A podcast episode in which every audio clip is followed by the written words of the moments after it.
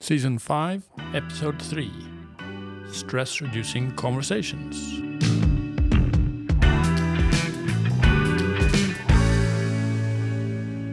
This is another Gottman tool, and we will add a PDF in the notes so that you can practice this on your own at home. Now, this is an essential skill deeply connected to the intimate conversations that we talked about in the previous episode. And this is a tool how to actually practice it. And you can do this before you get into trouble or before it's complicated. Um, and you can do this regularly with your partner. You can just revisit this PDF and have a look at the tools and talk about them and try and get them into the back of your head. So when you get into conversations that are problematic or you disagree, that you both have at least some access to these uh, skills. I would actually urge you to put this into routine that when you come home from work each day, you meet, you take 10 minutes to practice this skill, these stress reducing conversations. I would urge you to do that and then you're going to get tired of it and you're going to forget it. And then maybe you don't do it for a couple of weeks or months. And then maybe someone picks it up again or you have a big fight and you remind yourselves that oh, maybe we need to just double check these again. So be pragmatic around it. Try and use it. Try and learn it. Do it regularly but fit it into your normal life. Don't let it become a must that you have to do. No but at the same time it just takes 10 minutes.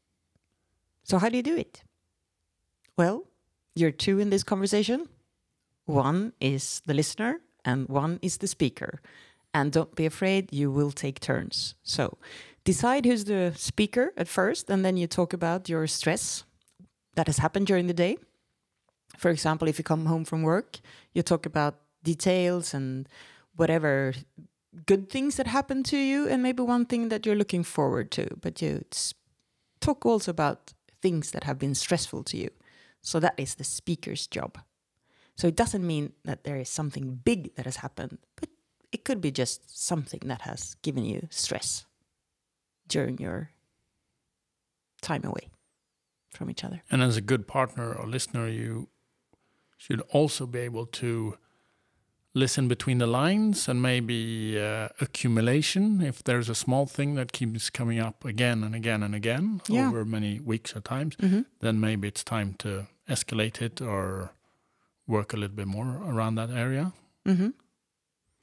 so remember for the listener for the listener there's a lot more to do here with the work you need to understand first and then give advice so you have to be curious and show genuine interest ask questions, for example, be an ally, like team up with them against that shitty boss. Uh, communicate that you understand. Oh, I would be stressed out too if that happened to me. Make side with your partner and not with the others. Even if you disagree with your partner, make sure that they understand that you're an ally for them at this point and that this is our problem, that we can fight together if there is a big problem that arises. And show some affection and comfort as the listener, too. I'm totally on your side. Come here and let me hold you, or something like that. So, those are the rules and skills that the listener must practice. Yeah, and also the listener should uh, share their own emotions uh, show interest, but also how you feel about what's being said, or if you're excited or sad or scared for the for the partner, or if you also get irritated or annoyed. So listen with empathy. Mm-hmm. Yep, exactly. And when the speaker is done and the listener feels okay, we might move forward. Now it's soon my turn. Before the listener is the speaker, where you swap turns, make sure the listener asks the speaker if he or she feels understood. Maybe you need to ask some more clarification, clarifying questions.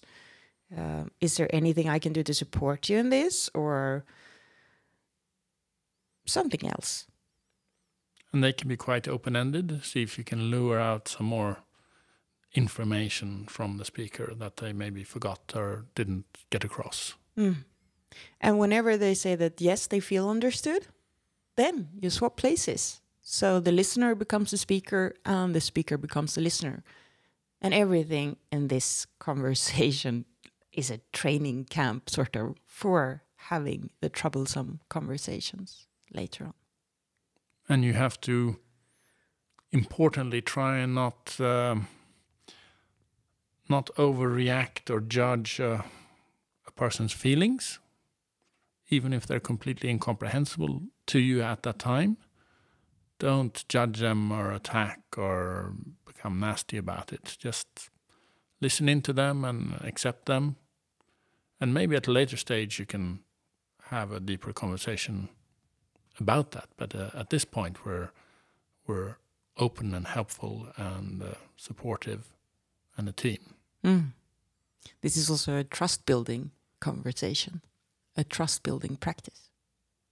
And sometimes it is important to actually have some uh, help or advice given.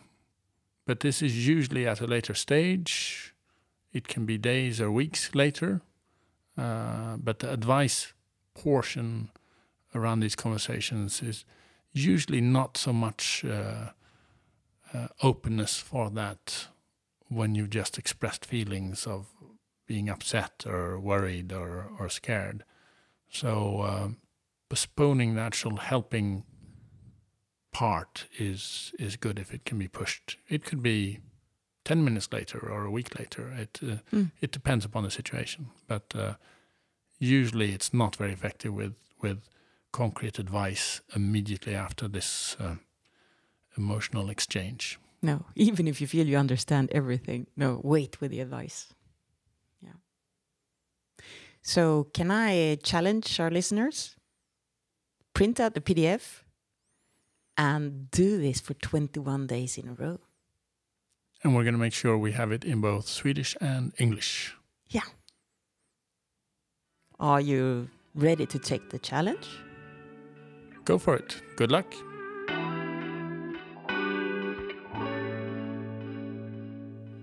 A little PS for episode 3 about stress reducing conversations.